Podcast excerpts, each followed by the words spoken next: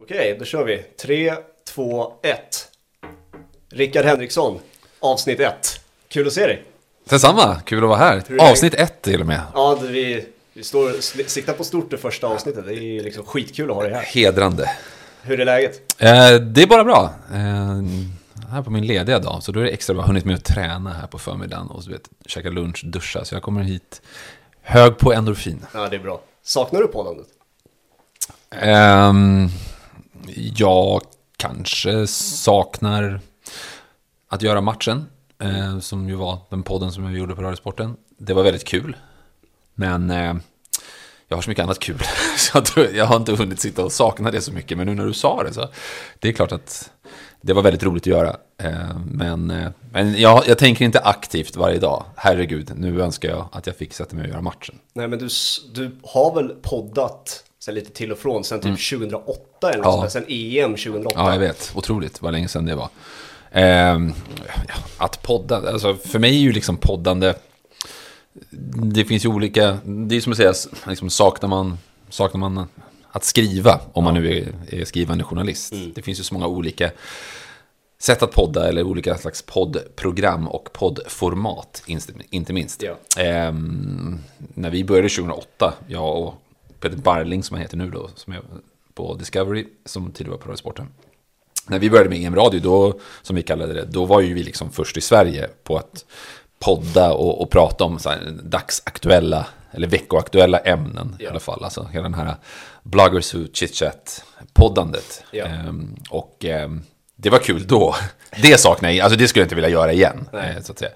Men eh, min senaste podd, eller min senaste, den senaste podden jag var en del av, matchen. Det, det sa, jag saknar jag, men liksom, det var väldigt, väldigt kul. Där fanns det mer att ta av. Ni var ju ett team, det är därför ni, du säger att det inte bara var du. Ja, det är jag väldigt noggrann Jag har ju med. träffat alla de eh, producenterna, ni var ju ett grymt team och ni gjorde en fantastisk produkt. Det var ju få som inte tyckte att den Nej, var bra. nej, det blev lyckat. Det är kul när man, som vi då, några stycken, hade som, som uppdrag, som vi verkligen fick. Alltså, ni ska komma på en podd som är just bra och som blir framgångsrik och som är, som är någonting annat än det som redan finns. Ja. Och så är det ett blankt papper och så sitter man där och bara, okej, vad ska vi göra? Ja. Eh, och så, så utkristalliseras det till någonting som man... Visst, det är ju kul när folk liksom tycker att den är bra och man får beröm och allt sånt där. Men jag tror egentligen inom alla yrkeskategorier liksom, att det som är allra skönast är att känna att så här, jag tycker själv att det här är bra. Jag liksom står för Ja. det här. Och det ska ju gudarna veta, att det är ju inte alltid som man, som man känner så. Eh, Men så det var, det var roligt med den grejen. Men historien bakom den är ju rolig för att ni, ni, fick, ni visste att ni skulle göra en typ av fotbollspodd. Mm. Och ni fick i uppgift typ att hitta ett hål i utbudet. Liksom. Vad finns, finns det som ingen annan gör? Ja. Och då, det är ju intressant för då tolkar ju ni och gör en bedömning av vad som redan görs. Så det är ju roligt och intressant och för dig också som hållit på så länge. Vad är din bedömning av fotbollspodcasterna i Sverige idag? Alltså vad, vad är det som görs och vad är det som inte görs? Ja, eh, det var ju verkligen ett analysarbete eh, som gjordes. Därför att om man, om man håller sig till fotbollspoddar Ja. så är det ju, utbudet är ju enormt. Det är verkligen jättestort. Eh, och det är ju allt ifrån då stora poddar som, är, eh, liksom, som har väldigt genomslag, som är väldigt populära. Och sen så finns det de här liksom, supernischade eh, poddarna som ja, men, riktar sig egentligen till någonting annat än Tottenham-supportrar Ja, eller. Hammarby-fans eller Ja. vad det nu kan vara. Eh, och eh, det, det som är, och det som är härligt med poddande tycker jag, eh, är, det är att det, det finns både amatörpoddar, alltså, det krävs inte mycket mer än nu sitter vi ju hyfsat spejsat här, det märks att du ändå har jobbat med detta. Men det finns ju verkligen de som pratar med dåligt ljud i telefoner. Ja. Eh, och, och det kan det kan lira ändå. Alltså det, kan, det kan fylla sin funktion för vad man nu vill ha. Ehm, men det som dominerar i Sverige är ju annars mest alltså, hyfsat färska, alltså dagsaktuella poddar. Ja. Det vill säga, eh, om vi ska ta någon som är, som är stor och bra. Ja, men, okej, det, det är uppenbara, Toto Balotto. Ehm, den är ju superframgångsrik och men Gusten och Thomas har ju gjort ett otroligt arbete i det som är, tycker jag, en häftig del av podden, som är en nisch. Det här med att alltså, de har skapat ett community. Alltså, det är, tror jag, jättemånga som lyssnar på dem som känner att det är jag, alltså jag som lyssnar då, och mina två kompisar. Ja. Och vi vi hörs två gånger i veckan och då pratas det fotboll. Sen är jag liksom inte riktigt med och pratar såklart, men jag, jag, lyssnar på två stycken kompisar. Men det är klart att även de, undantaget möjligen när de har en intervju med någon person, så ett jättebra Toto Balutto-avsnitt är ju ändå passé några dagar senare, i alla fall en vecka senare, när det har varit en ny omgång och det har spelats vidare med andra saker. Det är ju det som dominerar och finns väldigt mycket av. Och om man nu ska liksom koppla det till hur vi tänkte när vi skulle skapa matchen så var det att okej, här ska vi inte in och konkurrera. Dels för att det finns så väldigt många som gör det otroligt bra. Ja. Eh, och den, den marknaden, den är redan överetablerad. Eh, utan istället, ja, men vad kan vi göra då? Och det som vi tänkte väldigt tidigt var att okej, men vi vill göra en podd som är eh, alltså som en evergreen. Som du kan lyssna på när som helst. Odödlig. Om någon lyssnar på det här nu och bara matchen, vadå, jag har inte hört talas om det. Eh, Då kan man gå in när man har lyssnat klart på den här podden och lyssna. Och det funkar lika bra som om man var med dagen när ett avsnitt släpptes. Ja men Erik förstås, eh, alltså Niva. Niva med When We Were Kings är ju samma sak. Det är ju. Du kan ju, Ni- du kan ju, du kan ju dra igång och lyssna på det när du vill. Du kan Den lyssna om på det. Den är ju besläktad med matchen, väldigt Ja, lik. eh, och, så det tänkte vi det ville vi göra. Och sen så började vi också tänka och fundera på, okej, men liksom, vad har vi på Sveriges Radio, på Radiosporten, vad har vi för styrkor? Vad kan vi utnyttja som inte andra kan? Ja. Eh, och då var vi ju väldigt tidigt på att okej, vi har ändå möjlighet att liksom, kanske bygga en storytelling där vi kan redigera väldigt bra, där vi kan använda oss. Vi har ju väldigt ofta, hade då väldigt ofta eget kommentatorsljud, där vi kan liksom väva in det så att det inte bara blir det här att två stycken sitter och pratar med varandra. Ja. Eh, eller en person sitter och berättar för den delen. Eh, och sen då, när vi då, ja men, det var jag som kom på idén faktiskt till det hela. Och jag, jag var ganska då besjälad av också att det finns väldigt mycket poddar som är, och Erik är ju, alltså Niva är ju the prime example på en otroligt bra historieberättare. Alltså det är han som berättar. Eh, och där var jag sugen på att kan vi hitta någonting där det faktiskt är en, en huvudperson som var med, som kan bli en berättare. Och så kan vi då med redigering få till att det inte blir en regelrätt intervju, fråga svar, fråga svar. Ja. Utan att, att det blir väldigt inkorporerat.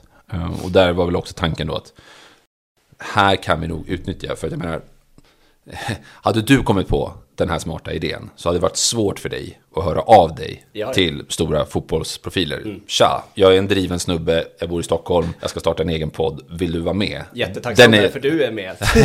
Nej, men vi, men vi känner ju varandra. Men den är svår. Ja. Kommer du från Sveriges Radio och Radiosporten Exakt. så är det mycket lättare. Ja. Eh, att, ja, du behöver inte skämmas över att du frågar, Nej, nej, nej. någon stjärna, Nej, nej. Eh, Thomas Brolin, om han ska vara med.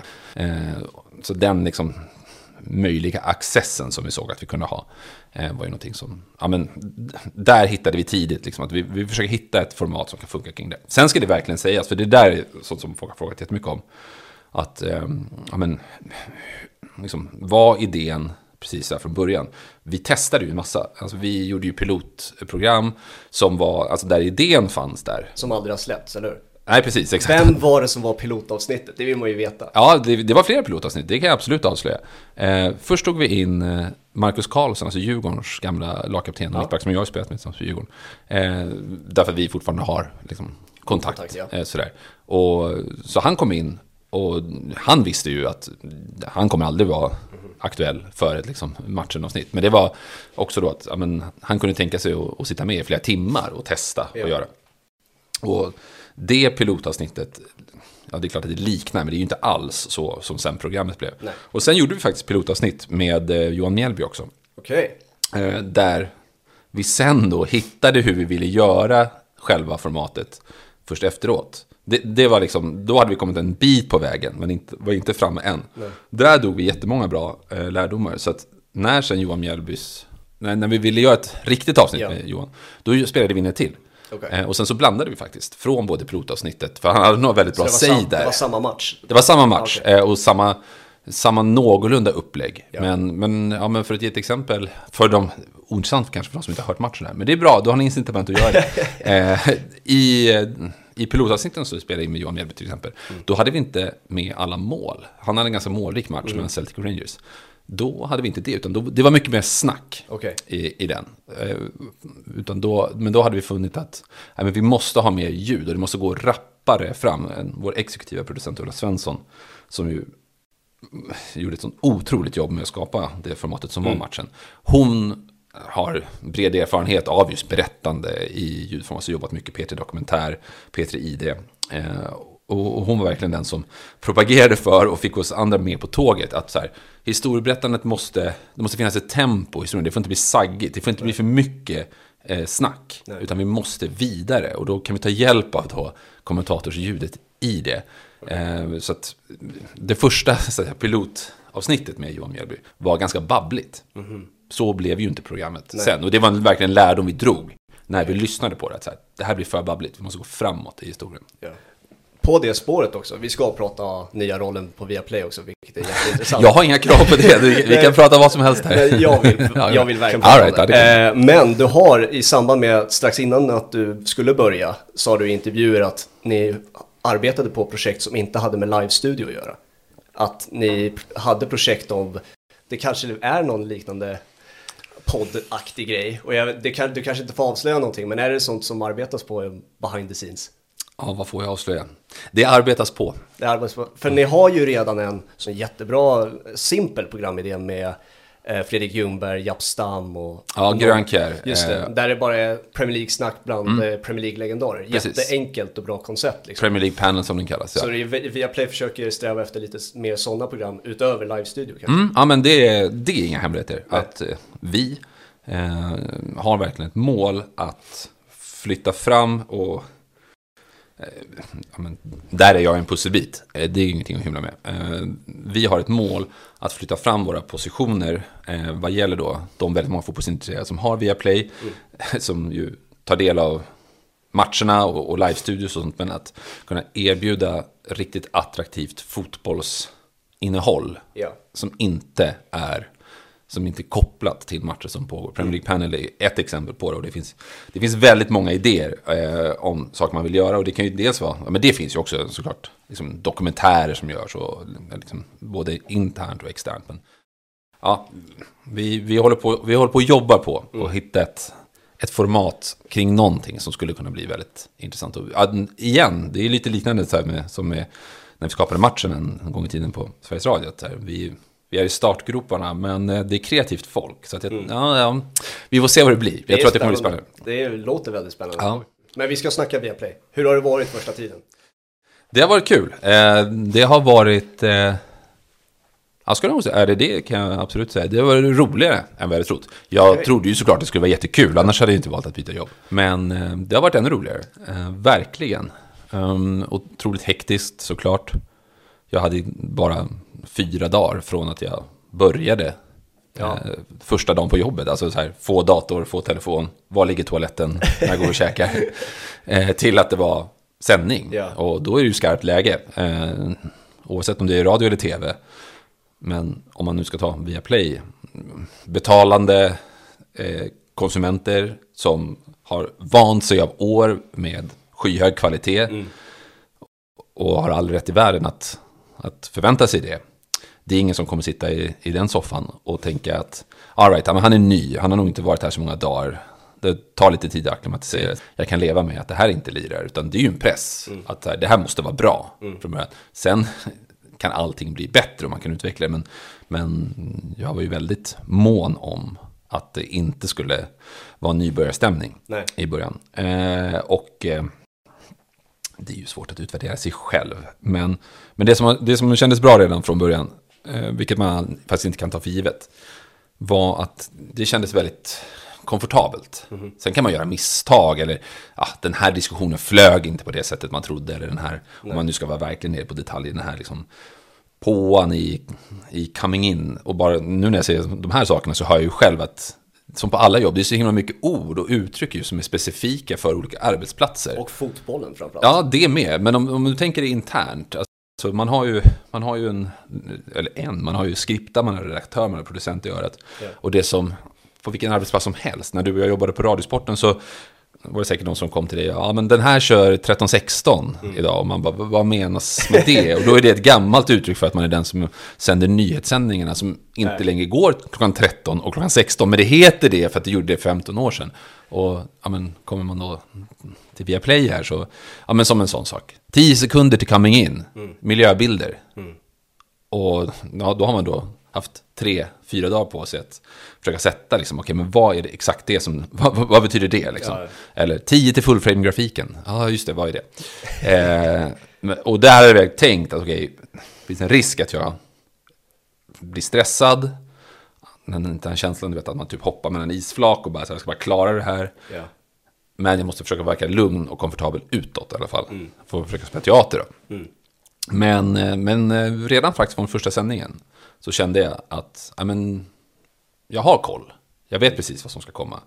Eh, Jag kan koncentrera mig på de här sakerna som man hellre fokuserar på. Alltså, ja, men, hur får vi ut det bästa av experterna? Vad har vi för samt... Alltså sådär. Um, och med jättebra uppbackning som jag har haft också såklart. Det är ett bra team så, så har det blivit väldigt kul.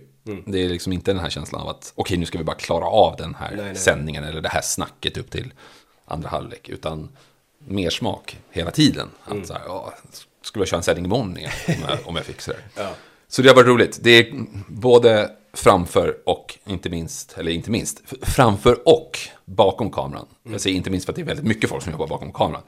Eh, Det är ett kompetent gäng och då är det kul att komma in. Jag behöver liksom inte komma in och uppfinna hjulet. Nej. Utan det är någonting som redan funkar väldigt bra. Och så kan man komma in och bli en del av det och kanske försöka bidra med liksom, ja, sin egen krydda. Så Men det var ju också, jag kommer ihåg tiden på Radiosporten där det var mycket mer rappare på det sättet att om en nyhet dy- dyker upp, kontakta Rickard, se vad han tycker, där har vi vår vinkel och vår artikel.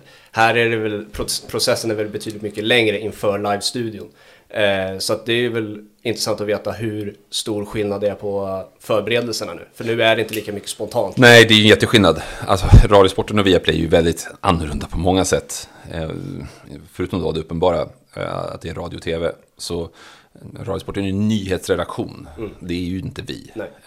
Utan vi, framförallt de här sändningarna, stora, ja, jag jobbar ju bara med fotboll då, alltså de stora fotbollssändningarna och, och för mig Premier League. Vi jobbar ju i dagar inför en lördags eller söndagssändning. Liksom det drar igång.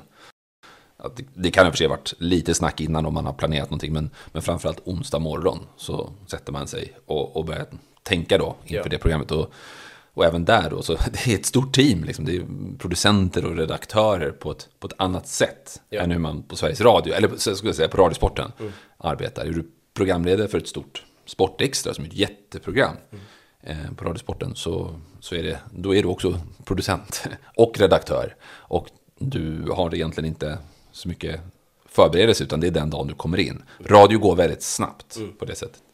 Eh, här är en helt annan apparat. Eh, och det är ju också för att det är mycket större tv. Det är mycket mer saker som ska, som ska lira. Alltså, det är ju lätt att man, om man inte jobbar med tv själv, så kanske man, man tänker på att men när vi pratar om, jag tar ett exempel från helgen då, eh, Wolverhamptons eh, kinesiska ägare eh, som nu då i samarbete med den här superagenten Jorge Mendes Ja. har värvat en massa, massa portugisiska spelare. Att det blir väldigt snyggt i tv om man då har grafik som kommer till det. Menar, det arbetet drar igång på onsdagen med hur ska vi lägga den här grafiken? Vad kan vi ha? Hur ska den se ut? Superskickliga grafiker som, som jobbar med det där och tar fram. Och så liksom är det folk perfektionister så då liksom vrider man och vänder och vad tycker man är, är snyggt där. Bara det är ju ett liksom, ganska stort moment egentligen. Eh, som några jobbar med. Eh, och sen då där, när själva sändningen är, apropå det här med att då vill man ju tajma in det så att det blir snyggt. Och programledarens roll och uppgift är ju på att ett snyggt, stringent, komfortabelt vis presentera det för tittarna. Och sen då förstås vara, alltså som programledare så är det ju händerna på en bildproducent. Som är den som då ska få in den där grafiken. Men då har man ändå planerat hur man vill ha det. Liksom. Det är ju ingenting som bara sker så. Eh, och så är det ju inte i radio. Utan där är det ljudet Ja. du har. Alltså du påar ett inslag. Och du kan, du kan sitta och läsa det du ska säga också. Eh, för den delen. Sen vill du, du vill inte att det ska låta läst, men du kan ta hjälp av det. Ja. Här som programledare så pratar du in i en kamera. Eh, och bara förlitar du på att den här grafiken kommer. Som ett exempel. Eh, så att ja, det är ju stor skillnad. Vi, vi är ett jätteteam på tv som jobbar inför en jättestor sändning. Och det är skillnad mot Radiosporten. Där. Mycket, mycket, mycket snabbare på så sätt. Liksom. Då blir ju liksom den automatiska frågan också, varför var tv rätt nu? För att Radiosporten har ju varit, du var där 12-13 år? 13-14 Så år sedan. det liksom, erbjudanden har ju garanterat funnits. Det Mm. tror jag till och med du har sagt flertal gånger. Så varför var det rätt nu? Ja du. Jag har inte tidigare blivit erbjuden en sån lösning som Viaplay eh, kom med här. Att bli programledare. Att vara liksom programledare för en sån, ja, det låter som så klyschigt, attraktiv rättighet som Premier League. Eller den andra fotbollen vi har. Alltså nu har vi här snart damlandslaget. Alltså ni sänder, eh, kommer du vara programledare under eh, landslagsuppehållet nu? Nej, inte nu. Inte det som kommer. Eh, vi har sagt det, den här hösten så kör jag. Och det är ju verkligen inte fy skam. Då, då liksom fokuserar jag på, på Premier League. Okej, ja. Nej, Vilket det är väldigt nöjd. Premier League, är, Premier League är ju många saker. Men det är, jag ska inte säga lätt, för det är det inte. Det är väldigt tacksamt att arbeta med. Alltså ta den här första månaden som jag haft nu. Det händer ju saker hela tiden. Ja. Och intressanta ämnen. Och ja, det är liksom, du behöver inte verka fram någonting, utan varenda vecka så är det någonting. Liksom. Både på och utanför planen. Eh, men varför tv nu? Ja, men, häftig, eh, häftigt erbjudande vad gäller det. Att verkligen göra någonting som, där man kan ha nytta av sånt som jag har lärt mig och plockat upp som fotbollsexpert på Sveriges Radio. Men det är ju också nytt, alltså att faktiskt utveckla sig själv. Att, eh, att eh, hoppa ner lite i en annan djup del av poolen. Och ut, ja, men utmana sig själv på det viset. Eh, och ja, men sen lite det vi pratade om, att inte bara det handlar inte bara om live och studio, utan att det finns idéer liksom vad gäller annat innehåll eh, som jag inte får berätta så mycket om. eh, eller inte kan, för det, det är så mycket som fortfarande inte är liksom klart. Men eh, ja, summa summarum olika saker eh, så blev det väldigt attraktivt. Men sen var det in, absolut inte ett, inte ett lätt beslut så. Jag slutade ju inte på Radiosporten för att jag var missnöjd med någonting eller Nej. inte trivdes eller någonting. Utan det var, det var, det var två väldigt bra saker som stod mot varandra. Men, men jag landade ändå i att liksom, tackar jag nej till det här nu, då kommer jag ångra mig. Eller då kommer jag gå runt sen och bara, varför, varför testade jag inte? Ja. Varför, varför gjorde jag ja, jag hade liksom, jag hade slut på argument till att, till att inte ta det. Eh, liksom, sådär. Så att eh, det, det, var, det, var, det var många saker som funkade väldigt bra. Jag fick ett väldigt gott intryck också när liksom, vi under en process då pratade om hur de såg på mig och vad de ville att jag skulle göra och så Ja. vidare. Så att, ja, typ så. Men eh, vi pratade också strax innan du stack från Radiosporten och jag kommer ihåg jag, jag frågade dig vad tror du om omställningen från expert till eh, programledare? Och du var lite osäker på, eller du sa inte att du var nervös, du var mer pirrig liksom.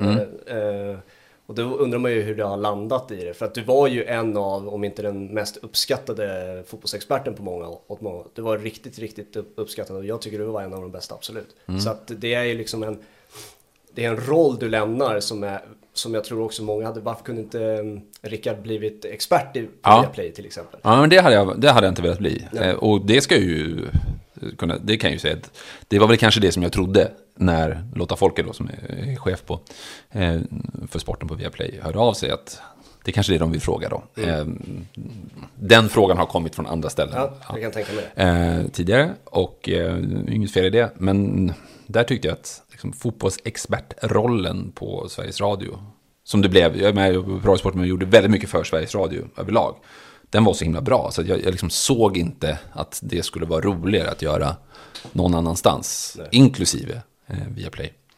Men, eh, men, men, ja, men jag kommer tillbaka till det, den här utma alltså utmaningen. Att faktiskt göra någonting annat. Ja, vi pratade om matchen, det var, det var ju programledare för. Men nu blir det väl renodlat att man är det. Och sen då med Viaplay, alltså det vi är och de tittare vi har, om, du, om, du håller, om man håller sig till Premier League, Ja.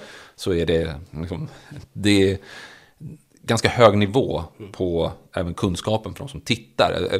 De, du skaffar nog inte via Play och sätter dig och kollar på Premier League-studion om du är sådär, lite halv, inte så värst intresserad. Vilket ju man kan slå på radion och vara om man lyssnar på Radiosporten. Ja. Eh, utan det finns ofta en ganska stor förkunskap och, och väldigt, väldigt höga krav på eh, vilken diskussion det ska vara och, och, och valet av ämnen och, och, vart man tar det.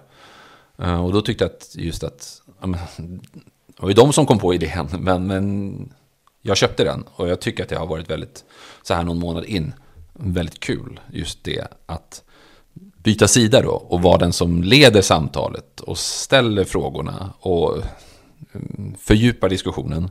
Men att kunna utnyttja, som du var inne på, liksom det här med att har varit expert själv, eller har spelat fotboll för den delen också, jag vet inte ens liksom benämnt här. Och kunna ta diskussion därifrån. Men jag tror också att det låter som att jag kan det här perfekt. Jag har gjort, jag vet inte hur många sändningar, jag har jättemycket kvar att, att lära och som kan förfinas. Men, men eh, jag tror också att ha varit på Sveriges Radio har gett en väldigt god journalistisk bakgrund. Som gör att, för att skulle, vi, skulle jag, Jonas Olsson och Lasse Lagerbäck sitta och ha en tränarkonferens. Mm. Det blir inte så bra tv det heller, eller bra journalistisk produkt. Utan jag vill ju mena att jag ha med mig det journalistiska från rollen på Sveriges Radio. Som också gör att man kan hitta pudens kärna som man gärna pratar om mm. i diskussioner. Och ja, jag är verkligen inte där än. Men, men kan man hitta den, de samlade erfarenheter jag har så tror jag att, att det finns goda möjligheter att få till någonting riktigt bra. Ehm, just eftersom vi har så väldigt bra experter också. Mm. Det är ett intressant ämne, expert. Jag tänkte att vi kunde stanna där lite för att du som har varit expert och det finns jättemånga som vi ser i live-studios som du var inne på har den tidigare fotbollskarriären. Det är få vi ser idag i tv som inte har en tränarkarriär bakom sig eller en aktiv för den delen, samma sak med fotbollsspelare. Hur mycket plats tror du att det finns för en, flera som typ, till exempel en Erik Niva som är så uppskattad, mm. att inte ha den där karriären bakom sig? Nej men jag tycker väl ändå att, nu är jag inte och det här är ingen diss mot någon som eh, Det är, trodde jag inte. Det, det är liksom, alla har en väldigt bra... Jag är heller ingen expert på exakt vilka som sitter i studior. men, men det känns... Det är en majoritet i alla fall. Ja, så är det ju. Absolut, absolut. Eh, sen är det ju... Vi har som, på Viaplay har vi så brett stall. Mm. Eh, men jag tycker väl ändå att om man tittar på på, om du tar Simor så har ju de Vicky. Blomé, mm. som ju, som har spelat fotboll, men, mm. men det är inte för det är inte för fotbollsmeriterna Nej. som hon är där, utan det är för kunskapen och perspektiven. Um, och jag menar, om man tittar på i alla fall SVT när de gör sina mästerskapsstudior så försöker de ju få med någon mm. som, som kan ge det. Mm. Kanske journalistiska, ja men Therese Strömberg har Therese varit där de senaste, ja. och Jonna Frändén förstås också eh, tidigare. Så jag tycker väl absolut att det finns, att det finns plats för det. Men, men utmaningen, och ja, men du var inne på det, att man inte vill dissa någon. Alltså alla de som vi nämnde här nu, då är väl jättebra exempel på sådana som faktiskt tillför Verkligen. någonting. Alltså de har någonting eget att, att komma med ja. eh, där. Men, eh, men det är klart att det ger en nimbus om du är Lars Lagerbäck eller Fredrik Ljungberg eller Jonas Olsson. Som, menar, det, det, finns så många delar av, tycker jag, av, av, att vara en bra fotbollsexpert. Det är väl bra att dyka in i. Vad är en fotbollsexpert då? Jag tycker att det kan vara allt ifrån att ge perspektivet som Erik Niva eh, kan göra, alltså det historiska eller samhälleliga eh, perspektivet som kan finnas på, på det hela. Det kan vara eh, Martin Åslunds förmåga att eh, koppla ihop en inriktning som en fotbollsklubb vill ha med sina värvningar till hur det faktiskt ser ut på planen, ja. till, ja men, jag går på närmaste exemplet här från när jag gjorde studio i, i helgen här. Jonas Olsson, när vi pratar om Wolverhampton som har värvat Diego Costa. Ja. Han har mött Diego Costa ja. i Premier League.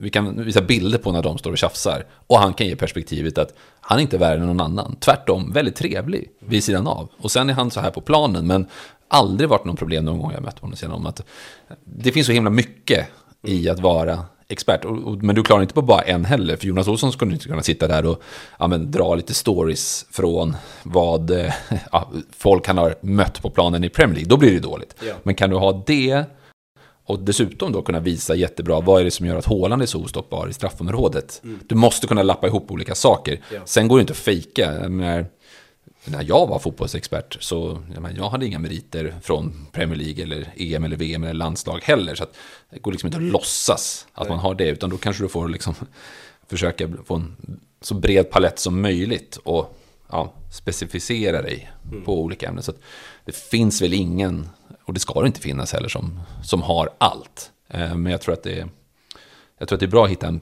profil där man väldigt tydligt kan säga att, eller märka i alla fall att mm. den här personen har det där. Mm. Um, men, men det bästa är, och det är väldigt kul med att jobba i en, en tv-studio, är ju att Eh, för så jobbar man ju sällan i radio till exempel. I poddar kan man ju göra på det viset, alltså man samlar en panel, just när det finns lite olika. Det, det, är ju väldigt roligt när det är olika erfarenheter som de två eller tre som sitter där har. Ja. Och de till och med kan ha ganska olika syn på, på fotboll, ja. trots att de är väldigt kunniga. Då blir det, tycker jag, spänstigt och, och intressant att lyssna på. Mm. Är, du har ju varit inne på det i andra poddar som jag lyssnar på, att du uppskattar den amerikanska sportjournalistikskulturen. Eh, och där finns det ju live-studios med den här blandningen av en, eh, en, en med karriär som, in, som har den framgångsrika och en som inte kanske har den framgångsrika karriären. Och man undrar ju liksom hur, du som uppskattar så mycket, vad är det skiljer sig åt mellan amerikansk live-studio som du följer mycket. Det är NFL du följer va? Ja. Och det svenska och europeiska liksom. Eh, jag ska väl också säga att det finns en hel del dåliga amerikanska NFL-studior tycker jag. Mm. Där de har, de har gubbar. Jag, jag, princip, jag följer inte NFL. de har precis bara gubbar eh, och som ibland blir väldigt, eh, nästan flamsigt mm. och höhöigt. Och då menar jag inte höhö som att de drar liksom dumma skämt. Men ja, det blir lite för mycket jargong, mm. är väl ordet man ska använda. Men men det de har är ju att amerikaner i gemen är ju väldigt, de tar ju för sig och de är ofta väldigt kommunikativa och har ett bra snack. Mm. Eh, och det kan man ju gilla väldigt mycket. Att, eh, inte via play såklart, men kanske ibland så kan man uppleva till och med folk som jobbar som experter, när man nästan får dra, att man märker att programledarna kämpar för att dra ur orden mm. Eh, på dem. Och eh, så finns det ju experter, inte på Viaplay såklart, som babblar en massa. Mm. Men egentligen är det bara, det sägs ingenting. Nej. Och det är ganska dåligt språk.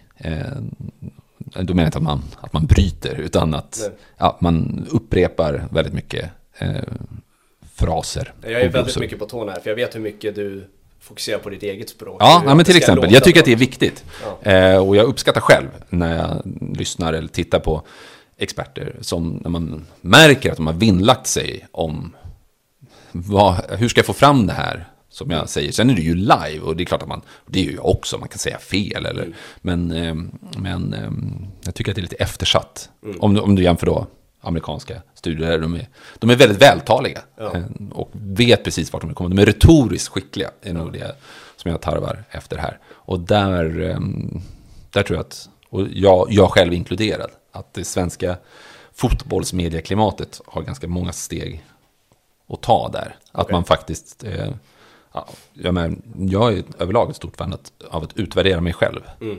Och, där, och har utvärderat jättemycket nu Eh, mina första sändningar tillsammans med, med producenter och, och redaktörer såklart. Eh, och jag har verkligen sagt till dem också att jag vill att vi också lyssnar på mitt språk, mm. vad som sägs. Och jag har väldigt mycket frågor på förhand. Tycker vi att det här uttrycket funkar här? Kan vi, kan vi, kan vi kan jag kalla Henrik Strömblad för Henke? Ja. Eller låter det dumt? Alltså lite så. Mm. Och också så här, för det har alla, vi har alla språkliga manér. Säger jag det här ofta, så säg till mig om jag inte märker det själv. För jag lyssnar och tittar alltid på sånt som jag har gjort. Men är det någonting som återkommer, mm. så säg till. För det tycker jag ingår i respekten för, för tittaren eller lyssnaren om man jobbar med podd. Att, sen, kan du ha, sen kan du ha catchphrases som du använder. Men, men eh, jag tror förstår mer med när man har ett språk där man använder samma enformiga uttryck eller språkliga maner in absurdum. Vad är det för feedback du har fått då? Eh, Utan att gå in på så det du inte får gå in på. Men liksom, ja, jag antar både från sociala medier men också internt. Liksom, vad är det för feedback du har fått? Ja, alltså överlag. Folk ju, om vi tar utifrån, folk är ju snälla. Eh, liksom. Men eh, jag tror att, och det är ju lätt att säga när man så här, fått, när folk är glada och skickar en tummen upp och bra jobbat och sådär. Ja. Eh, det är väldigt subjektivt. Folk kan störa sig på saker. Folk kan tycka att någon annan är mycket bättre, någon annan har varit mycket bättre. Eh, och det är jättelätt att säga det när hon har fått beröm. Eller att någon typ tv-krönikör mm, lite så här känner att men det här är bra. Och ja, skriver det. Och det är ju jättekul och då blir man glad och då blir andra glada för en och säger att ja men såg du det där? Och det är ju så här, det är ju väldigt härligt men man måste ju också, man måste förstå det. Det är ju väldigt subjektivt trots allt. Ja. Det är väldigt subjektivt. Fotboll. Någon kan få för sig att jag gillar inte alls hur han pratar. Eller jämfört med det här så är det inte så bra. Ehm, och, och jag, menar, jag är ju superny. Så att jag tror inte man ska stirra sig... Det gäller ju att hålla det lite ifrån sig. Både beröm och eh, kritik utifrån. Utan gå till sig själv och ja, men, vad, vem vill jag vara och vad vill jag göra och vad lägger jag ribban för vad man är nöjd eh, med och någonstans.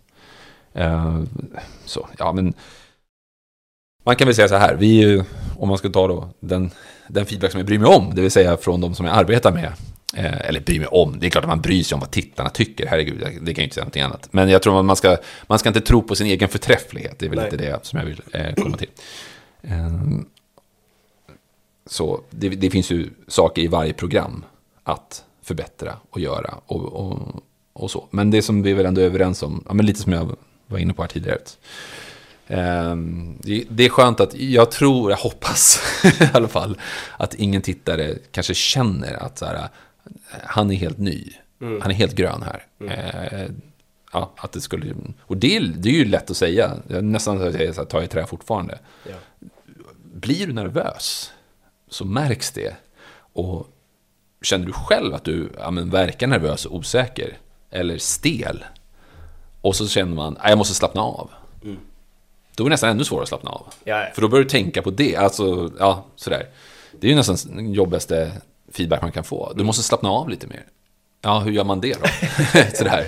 Så att, ehm, det är vi väl ense om att så här, skönt, skönt att inte det finns. Ja. Man pratar ju ofta om det här med att man ska äga en studio. Samtidigt, studion handlar ju inte om mig, utan framförallt handlar det om, ja, utom livefotbollen då, så handlar det om, just där vid bordet så handlar det om att lyfta experterna. Men det är ändå jag som ska jag ska, inte, vara- jag ska inte vara i centrum, men jag ska äga den. Det amerikanska igen. Liksom, Ja, liksom höja sig. ja, och där har det väl ändå varit. Eh, ja, ingen har sagt någonting annat i alla fall. Ja, det har funkat bra.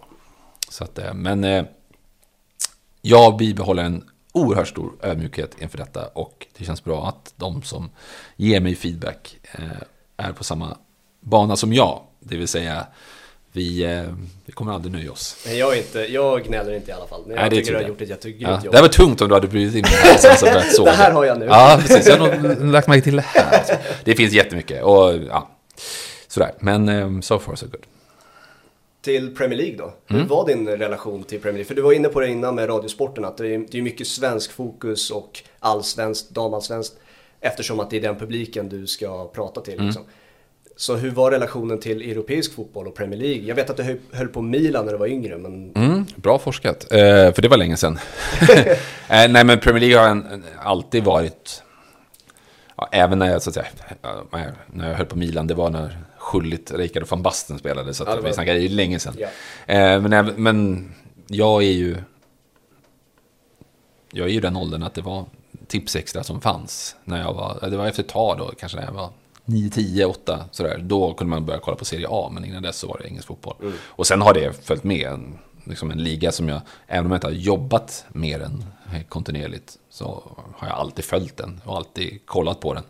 Den är ju också, den engelska ligan, den är ju väldigt lättillgänglig i och med språket. Eller språket för mig då. Jag kan engelska, jag kan inte tyska, eh, italienska eller spanska så pass bra så att jag kan gå in på en sajt och följa på originalspråket. Utan Premier League är ju väldigt lätt tillgänglig på det sättet.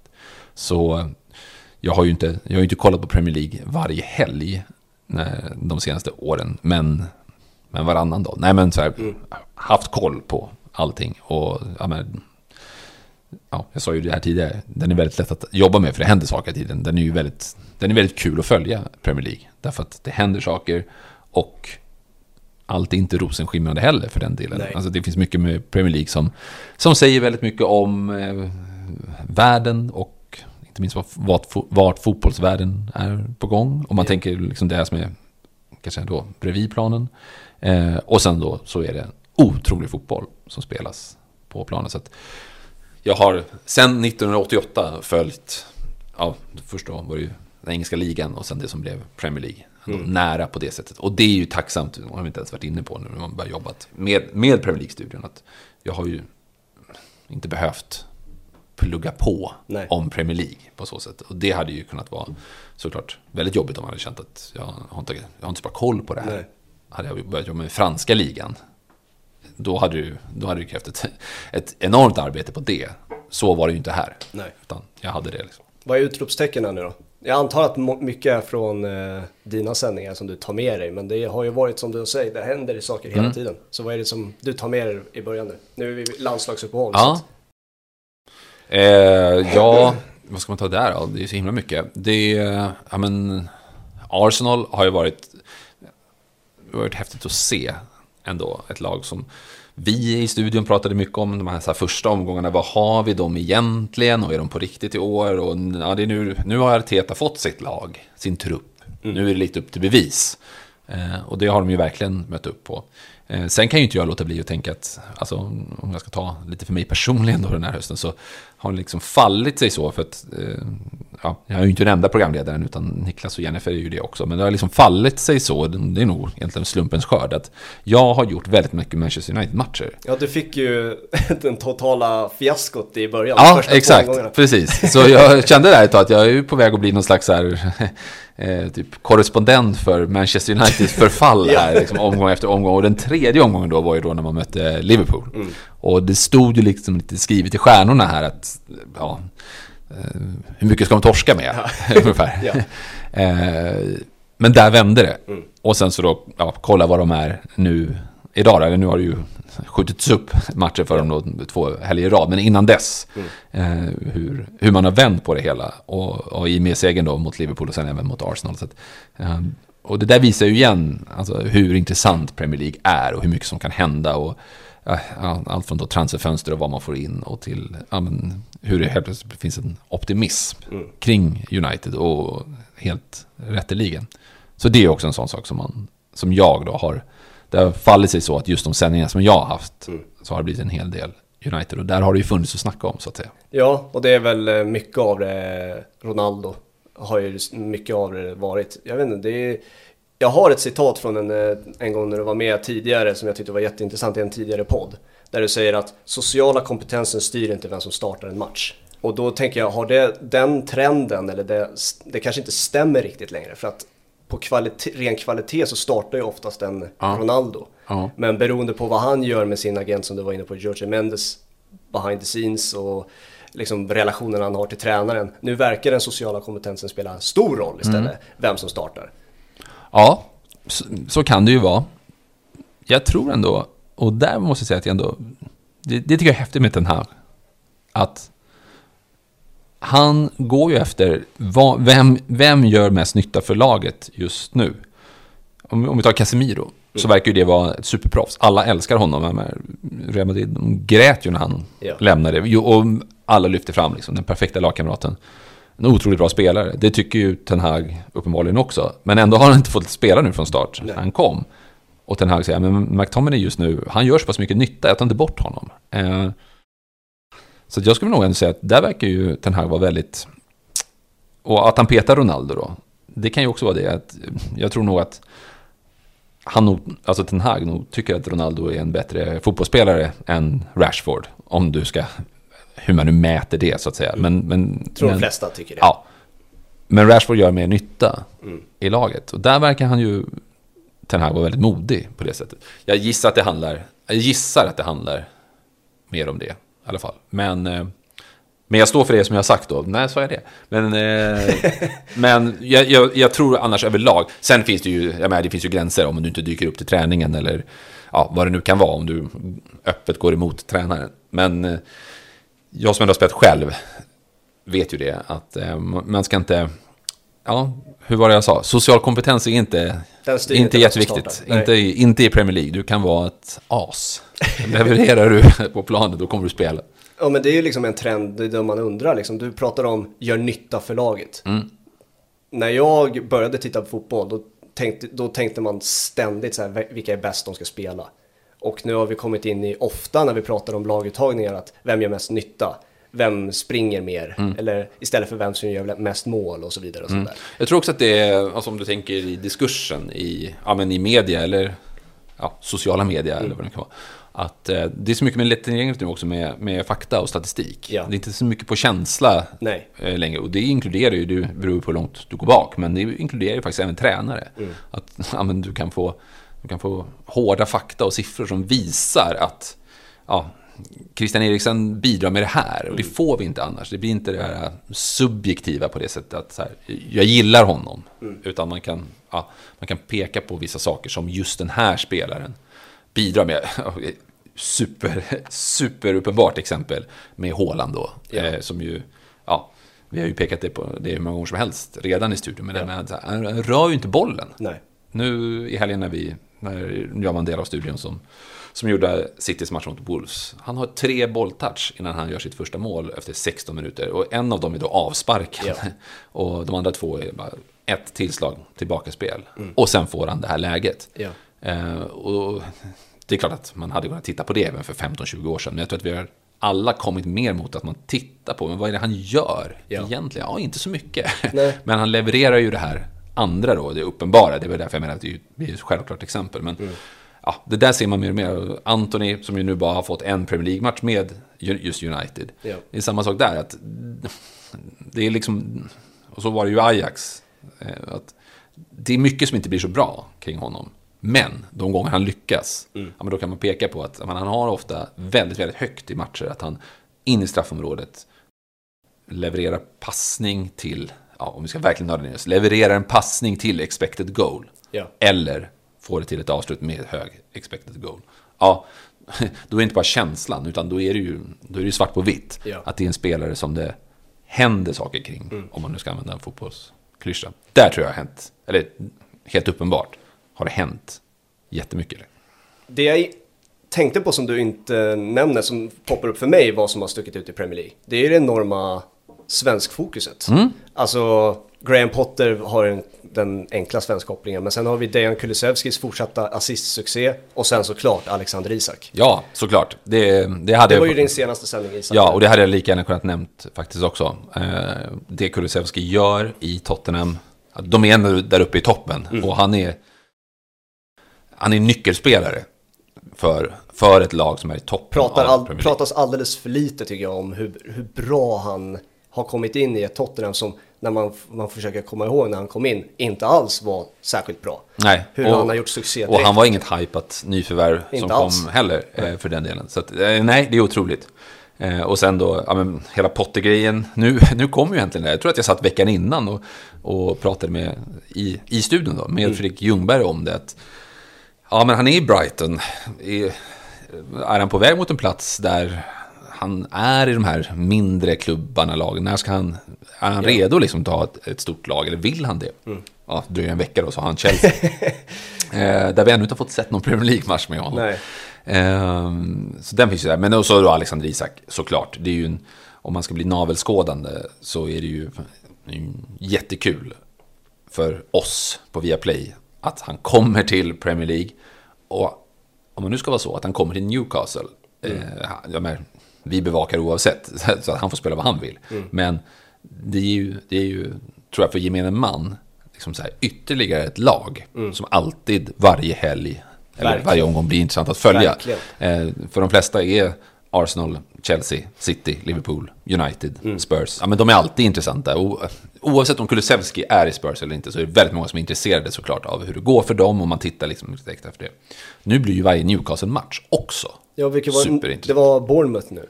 Liksom, vem hade tittat på Newcastle Bournemouth annars? Nej. I Sverige. Kanske för den fina studion som inramade det. Nej men precis, exakt. Det hade inte varit. Och jag vet att eh, jag kan tänka mig i alla fall att ja, men Isaks debut borta mot Liverpool, ja, men det var säkert ett superintresse. Ja, ja. Många som liksom ville följa och se det mm. den kvällen.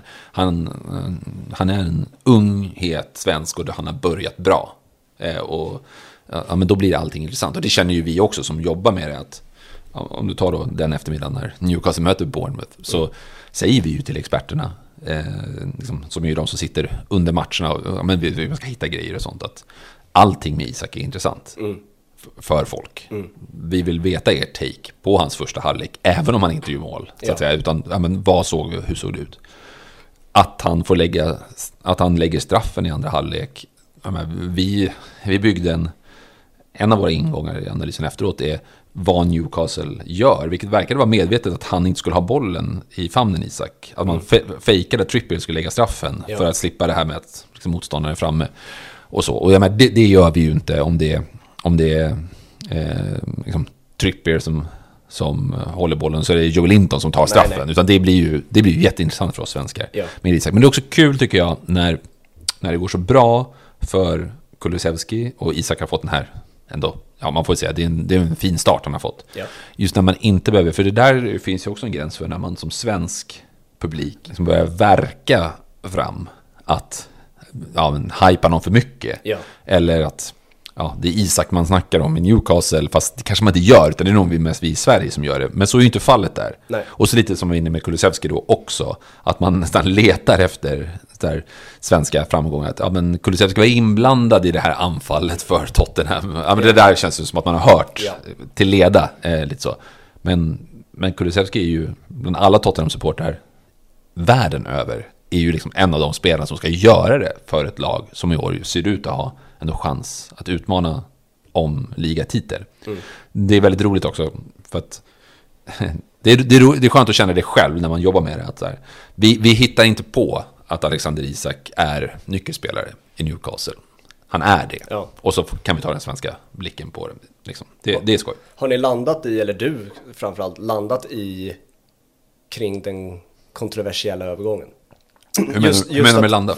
Alltså det har ju varit väldigt så här diskussioner. Är det bra att han går till ett lag som Newcastle? Han blir då lite ansiktet utåt för den här eh, sportswashingen som Saudiarabien gör och sånt där. Eh, hade det varit ett bättre steg att ta väntat in en liten större, större klubb eller tagit ett lag som Everton eller vad, vad det nu är liksom bara för att få Ja, många tyckte, tyckte att det inte alls var bra att han gick till Newcastle. Alltså menar du ur perspektivet de ägs av Saudi? Ja. Eller, ja. Sportsligt så tror jag många håller med om att ja. det här är ett spännande sportsligt projekt. Men att det, man kan liksom inte ignorera det fullt Nej, ut. Jag förstår med. Jag känner så här, och det hade jag nog faktiskt gjort, eller det gjorde jag även när jag hade rollen som expert mm. på Sveriges Radio. Jag känner definitivt så nu, när jag är programledare. Eh, och att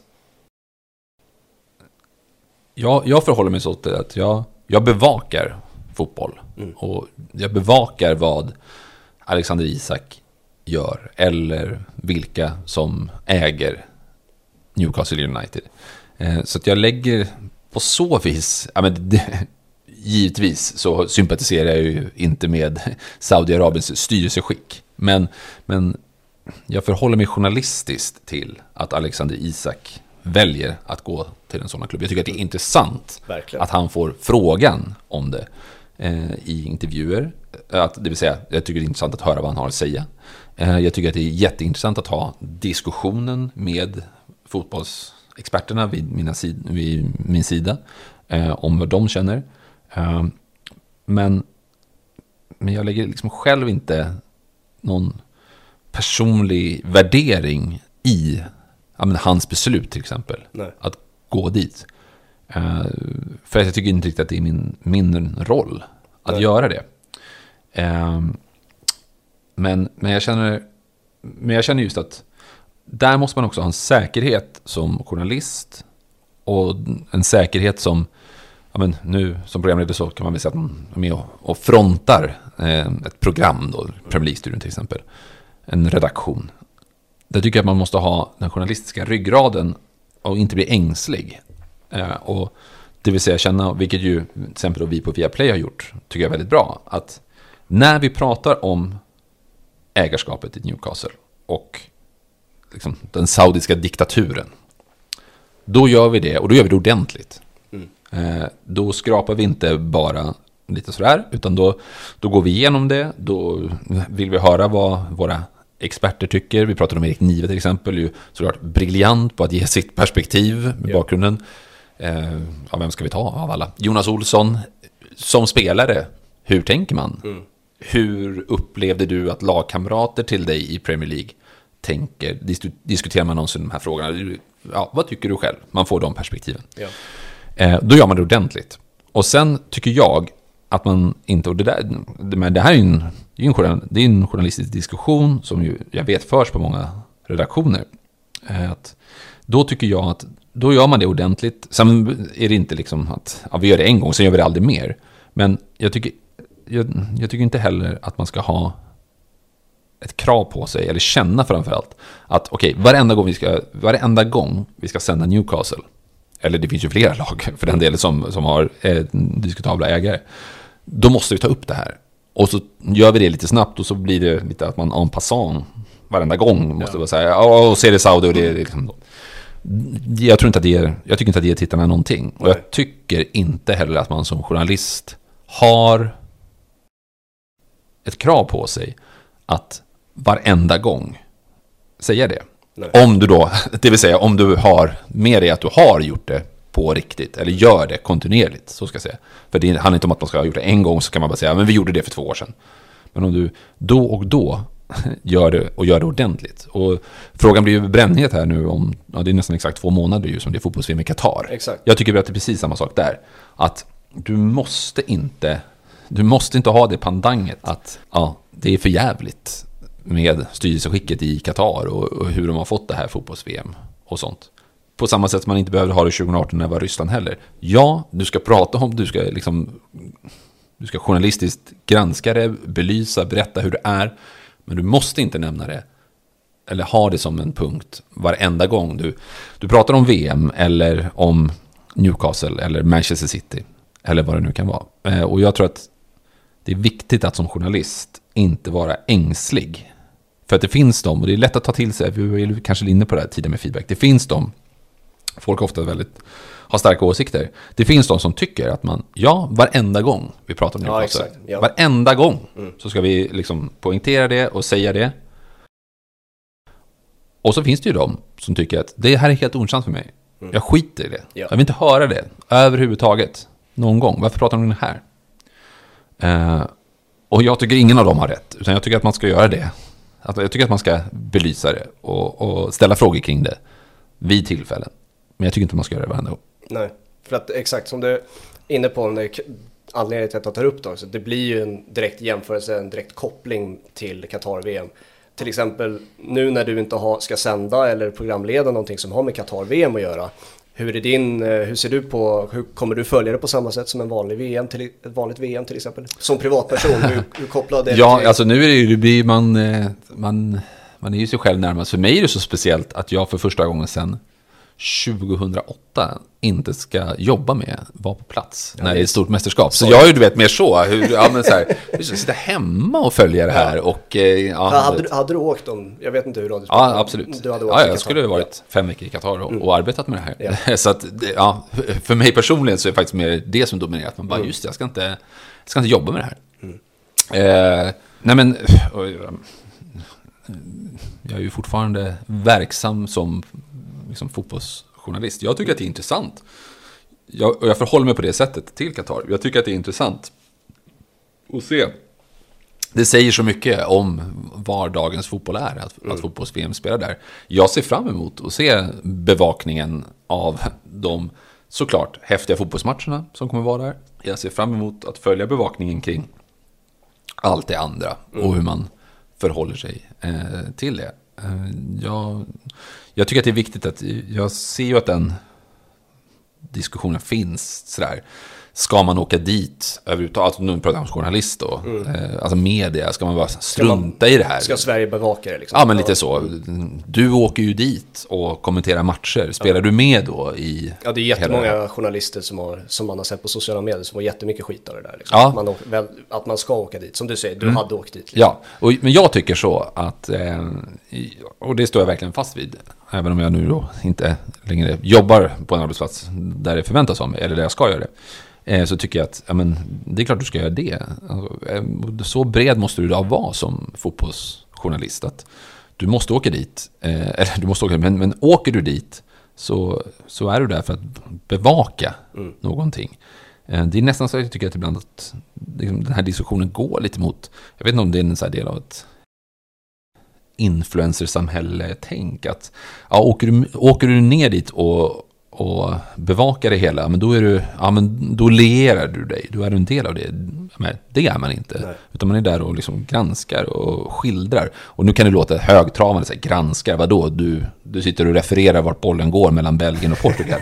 Men, men då är du trots allt inte en del, du är faktiskt inte en del av det. Utan du ska vara där som en, som en eh, oberoende källa. Ja, journalisternas jobb är objektivitet. Liksom. Ja. Du ska vara objektiv Ja. och det, det ska inte styras oavsett vilket land eller vad det nu är. Det Exakt. står jag också i. Men, men sen så förstår jag att det finns jättemånga som känner avsmak för liksom hela saken och, och var, vart fotbollsvärlden är på väg. Mm. Eh, såklart. Menar, det, det, det kan jag också känna. Mm. Eh, men, men eh, jag tycker verkligen inte att de, de journalister som åker ner dit eh, eh, gör fel Nej. i det. Och det är oavsett om du då är, liksom, om du sen, för du är en del oftast av ett, av ett team. Men alla kan inte vara reporten som, som jag hoppas att många gör, som är ute i det katariska samhället och berättar för folk hur ser det ut, alltså hur är det här? Ja. Någon, någons roll är att vara på kommentatorsläktaren Mm. och, eh, och kommentera vad som händer i matcherna. Jag tycker inte att man är en nyttig idiot för det.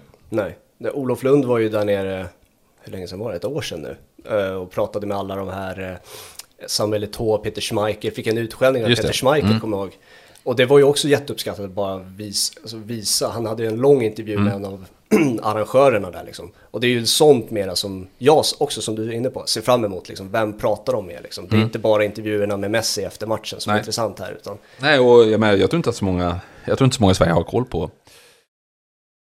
hur ser det vardagliga livet ut i Qatar. Och sen blir det jätteintressant att se också just när det ska komma så mycket folk dit och, och hur det fungerar och så vidare. Så att, ehm, ja, nej men det... En, be, ett, en bevakning av fotbolls-VM är väldigt allomfattande. Mm. Och, det, och det måste det vara. Har du någon eh, favorit av mästerskaps? Om vi ska blicka tillbaka sedan 2008. Var... Som jag har varit på? Ja, du har ju varit på en del som du har Ja, eh, ja, jag tror ändå herrarnas VM 2014 i Brasilien. Brasilien, ja. Det är det är en sån här som... Svårt att slå. Ja, väldigt, väldigt svårt att slå. Det var otroligt häftigt, alltså Brasilien som fotbollsland. Men framförallt höll jag på att säga, för att just att det var i Sydamerika. Det var så otroligt mycket supportrar till de sydamerikanska lagen.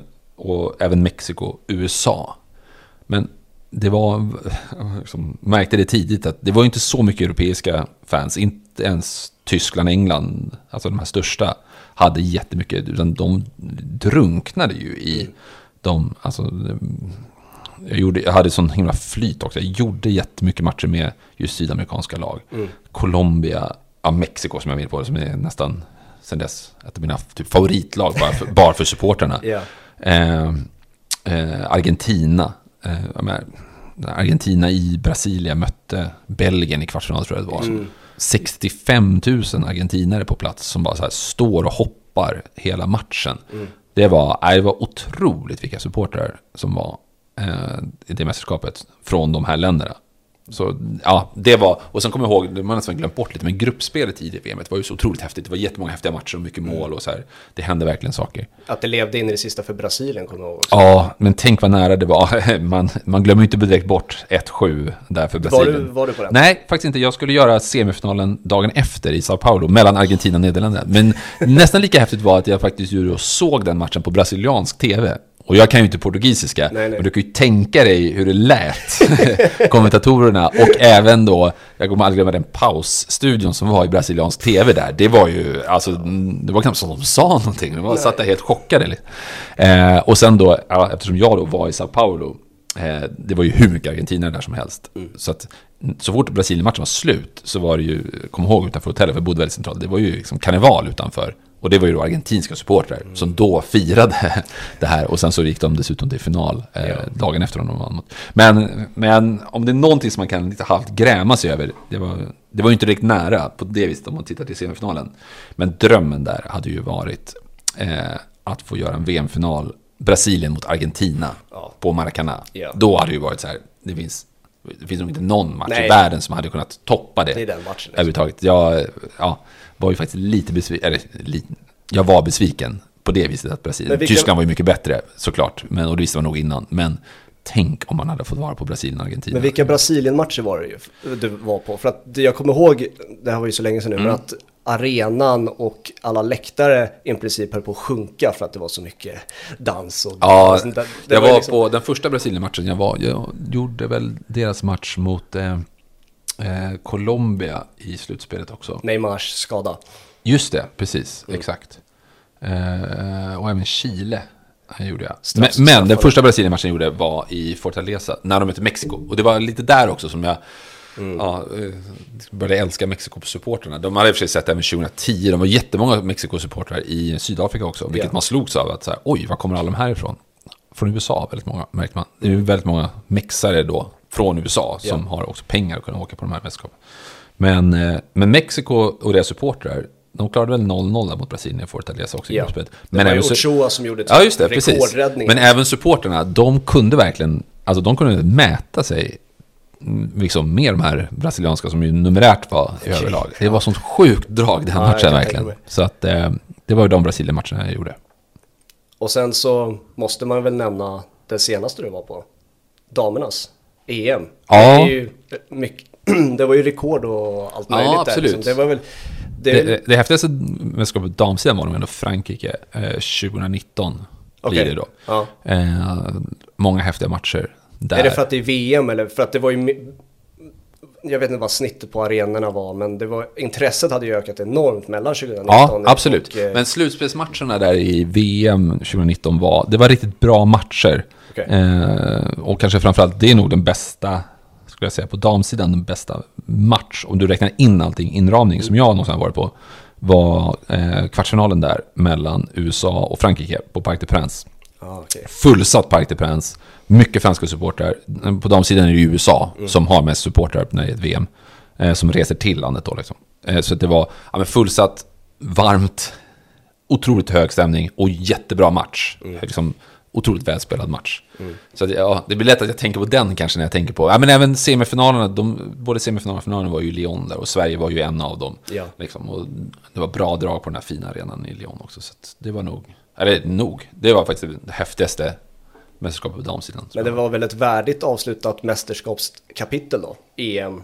Även fast det inte gick så bra för Sverige, Mm. så var det, vad var det sista matchen du gjorde i? Jag gjorde Sveriges, eh, jag var faktiskt inte så länge på EM. Var det Eh, Portugal? Eller vilken match var det sista? Nej, Schweiz. Schweiz. Andra gruppspelsmatchen. Så det Just var kort för mig, det. eh, detta EM. Just för att ja, jag skulle ha tid att ladda upp för min nya arbetsuppgift. Eh, men, men det är klart, öppningsmatchen för England på Old Trafford var ju, var ju häftig också. Men, nej, men de två mästerskap som sticker ut bland många häftiga minnen för mig, det är herrarnas VM 2014 och damernas 2019. Mm. Det, är, ja, det är nog de två höjderna faktiskt. Ska vi knyta ihop säcken här kanske?